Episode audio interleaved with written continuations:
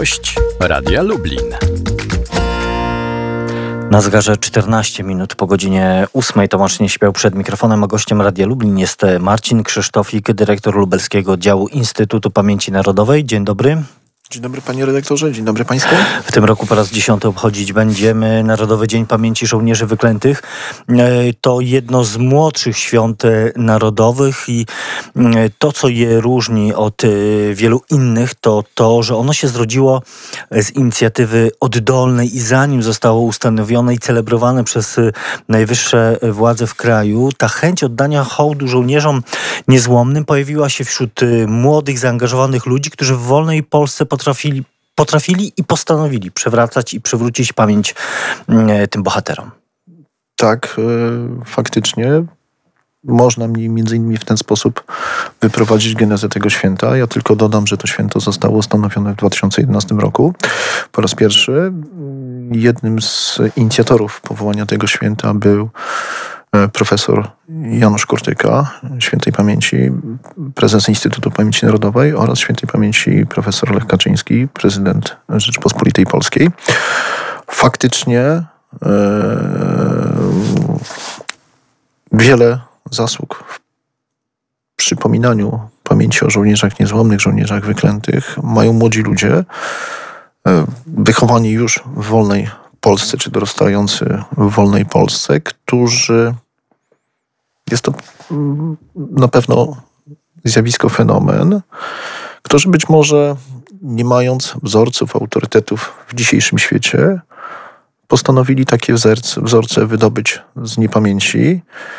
E, podejmują wiele inicjatyw, które mają zapobiec całkowitemu wymazaniu z pamięci żołnierzy, żołnierzy niezłomnych. Jednym z takich na przykład e, inicjatyw, które, które podejmują, jest na przykład, e, wiemy o tym, że przez wiele lat opiekowali się grobami żołnierzy niezłomnych, którzy, którzy zmarli potem jak również e, podejmowali działania mające na celu zapobieżenie likwidacji tych grobów poprzez opłacenie e, w administracji cmentarza, żeby te groby nie ulegały likwidacji. No właśnie, bo to e, przez lata była taka podwójna śmierć dla, dla wielu z tych bohaterów, bo Polska Ludowa chciała albo po prostu robiła to, zabijała fizycznie żołnierzy niezłomnych, na przykład śmiertelnym strzałem w tył głowy, a potem właśnie skazując na zapomnienie i milczenie.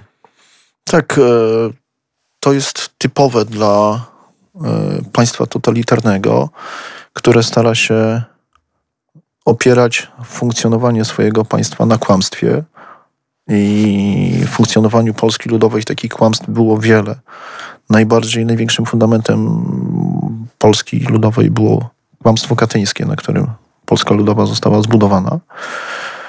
E, jednym z takich kłamstw była również to, co w jaki sposób przedstawiano e, dzieje podziemia niepodległościowego, podziemia po 1944 roku, bo postawmy tu jasną cezurę, że jeżeli chodzi o tereny wschodnie, w tym Lubelszczyzny, mówimy o podziemiu niepodległościowym walczącym z e, okupantem sowieckim już w roku 1944 i ponoszącym straty. Oczywiście ta narracja zmierzała do przedstawienia tego, że jest to, są, są to bandy, bandyci, e, bandy terrorystyczno-rabunkowe. Taka była narracja e, w oficjalnej narracji Polski Ludowej, e, w publikacjach naukowych, które, pseudonaukowych, które wychodziły, w tym również w publikacjach przygotowanych przez funkcjonariuszy Służby Bezpieczeństwa. No właśnie i tak jak pan powiedział, e, taką, taką iskierką nadziei, e, która pojawiła się właśnie w, w e, latach 90. było przywracanie pamięci tym, tym osobom, które stały się takim źródłem pewnych wartości, tak, tak bardzo oczekiwanych dla, dla młodych ludzi. Stały się no, takie postacie jak, jak Inka, jak Zapora, Pilecki, stały się takim punktem odniesienia dla całej rzeszy y, Polaków, pewnego pokolenia, które powiedziało dość. Tak, jest to faktycznie poszukiwanie, tak jak pan, pan powiedział, poszukiwanie autorytetów, tak? Tej bezkompromisowości. Pierwszy przykład, który pan podał, Danuta Siedzikówna Inka. młoda dziewczyna, która zostaje zamordowana na kilka dni przed swoimi 18, 18 urodzinami. E, zostaje zamordowana za to, że po schwytaniu. Nie chce wydać swojego dowódcy, majora Zygmunta Szędzielarza Łupaszki, gdzie funkcjonariusze UB w brutalny sposób prowadzą śledztwo. Jest torturowana, pomimo tego zachowuje się w sposób, który jest e, również takim zachowaniem dla wielu innych konspiratorów, w tym również młodych ludzi, gdzie ta postawa jest niezłomna i za tą postawę oddaje swoje życie. No i, ale mimo, mimo tych y, heroicznych postaw, mimo tych y, wspaniałych życiorysów, które są już od y, kilkunastu, a, a na pewno od momentu oficjalnych obchodów 1 marca, tych biogramów, one są przypominane, ale cały czas musimy też przypominać, że mm, i tłumaczyć wielu środowiskom mm, właśnie, że, że dzięki temu no, takiemu swoistemu powstaniu, które trwało przecież do 63 roku, a tutaj za sprawą e, Lalusia na Lubelszczyźnie o tym doskonale e, wiemy, czyli do, do momentu śmierci ostatniego żołnierza wyklętego. E, no dzięki temu Polska nie stała się 17 sowiecką republiką. Dlaczego trzeba to cały czas przypominać?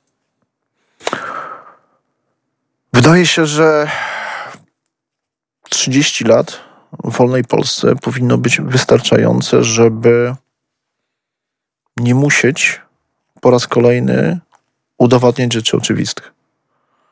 To, że decyzję, jaką podejmowali ci młodzi ludzie po roku 1944-1945 były słuszne. Ponieważ y, oni nie godzili się na to, że y, Polska ma być pod władzą komunistów. Przecież gdyby nie wsparcie sowieckich bagnetów, polscy komuniści nie byliby w stanie utrzymać władzę przy tej sile polskiego podziemia.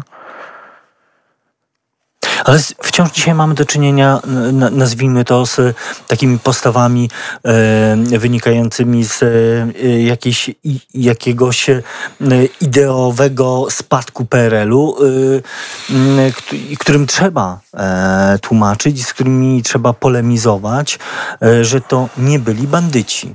Dziś w wolnej Polsce, po 30 latach. Tak, ale postawmy sobie sprawę jasną, tak? narrację na temat podziemia niepodległościowego, żołnierzy niezłomnych, żołnierzy e, wyklętych, podejmują te środowiska, które swoje, swoje korzenie mają w okresie Polski Ludowej. Tak? To bardzo często są też kolejne pokolenia ludzi, którzy, których rodzice, dziadkowie osiągnęli swoje stanowiska, swój status dzięki temu, że byli, byli, nie wiem, funkcjonariuszami byłych służb, funkcjonariuszami aparatu partyjnego. I ja myślę, że dlatego tak się dzieje. Jak najlepiej dziś e, upamiętniać żołnierzy wyklętych, może inaczej nawet, jak opowiadać o ich historii? No można to robić na wiele sposobów, tak? Dla mnie fenomenem jest to, co się dzieje z biegiem tropem wilczym, tak? Od kilku lat e, pojawiają się coraz nowe miejsca na mapie Polski, gdzie ten bieg jest e, przeprowadzany. Są to nie tylko duże miasta jak Lublin, ale są to małe miejscowości, a nawet wsie, gdzie na tym symbolicznym dystansie, tym głównym dystansie 1963 metrów, ten bieg się rozgrywa. Uczestniczą w nich rzesze ludzi. Oczywiście jest to łączone ze zdrowym trybem życia. E, natomiast e, no, przez samo to, że tak jak powiedziałem, ten bieg rozgrywa się na tym dystansie, wielu ludzi być może w ten sposób dowiaduje się, dlaczego, dlaczego, dlaczego te 1963 metry, z kim ono, z kim, z kim, z kim e, ten 1963 rok jest związany. To jest, to jest jedno, jedno z, z, z wielu, z wielu przedsięwzięć, które, które jest realizowane. To, co my robimy, to przygotowujemy konferencje popularno-naukowe.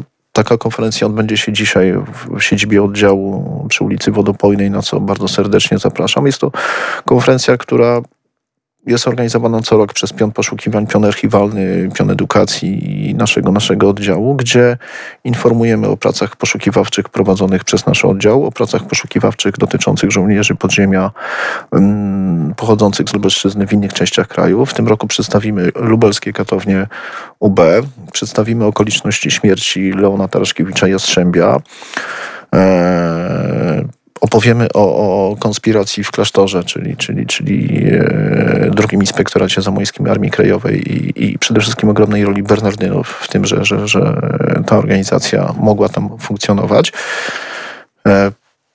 To jest, to jest jeden z wielu sposobów. Niezwykle myślę, że trafiającym do młodego pokolenia jest to, co też e, przy naszym udziale się stanie, a mianowicie we wtorek będzie w Urzędzie Wojewódzkim konferencja dla młodzieży, na zakończenie której odbędzie się koncert Norberta Smulińskiego Smoły, e, poświęconego właśnie pamięci żołnierzy, żołnierzom wyklętych. E, jest wiele takich inicjatyw, które tę pamięć przywracają. E, I, i dzięki nim e, to, ta pamięć o żołnierzach wyklętych też weszła już na stałe. To, to można powiedzieć do takiej młodzieżowej popkultury wręcz, ale to dobrze, bo, bo to świadczy o tym, że, że cały czas żołnierze niezłomni mm, e, są autorytetami. Młodzi ludzie chcą tych autorytetów w, w tym gronie setek, właściwie tysięcy żołnierzy znaleźć, poszukiwać i odnajdywać. Yy, tegoroczne obchody mm, po raz kolejny to są rozłożone na e, kilka dni, właściwie one potrwają do 6 mm, marca, e, jeśli chodzi o lubelskie, lubelską część. E, szczegóły tych wydarzeń niezwykle bogatych na stronie internetowej lubelskiego oddziału Instytutu Pamięci Narodowej. Tymczasem bardzo dziękuję za dzisiejsze spotkanie. Marcin Krzysztofik, dyrektor lubelskiego oddziału IPN był gościem Radia Lublin. Bardzo dziękuję. Dziękuję bardzo. Tomasz Nieśmiał, do usłyszenia.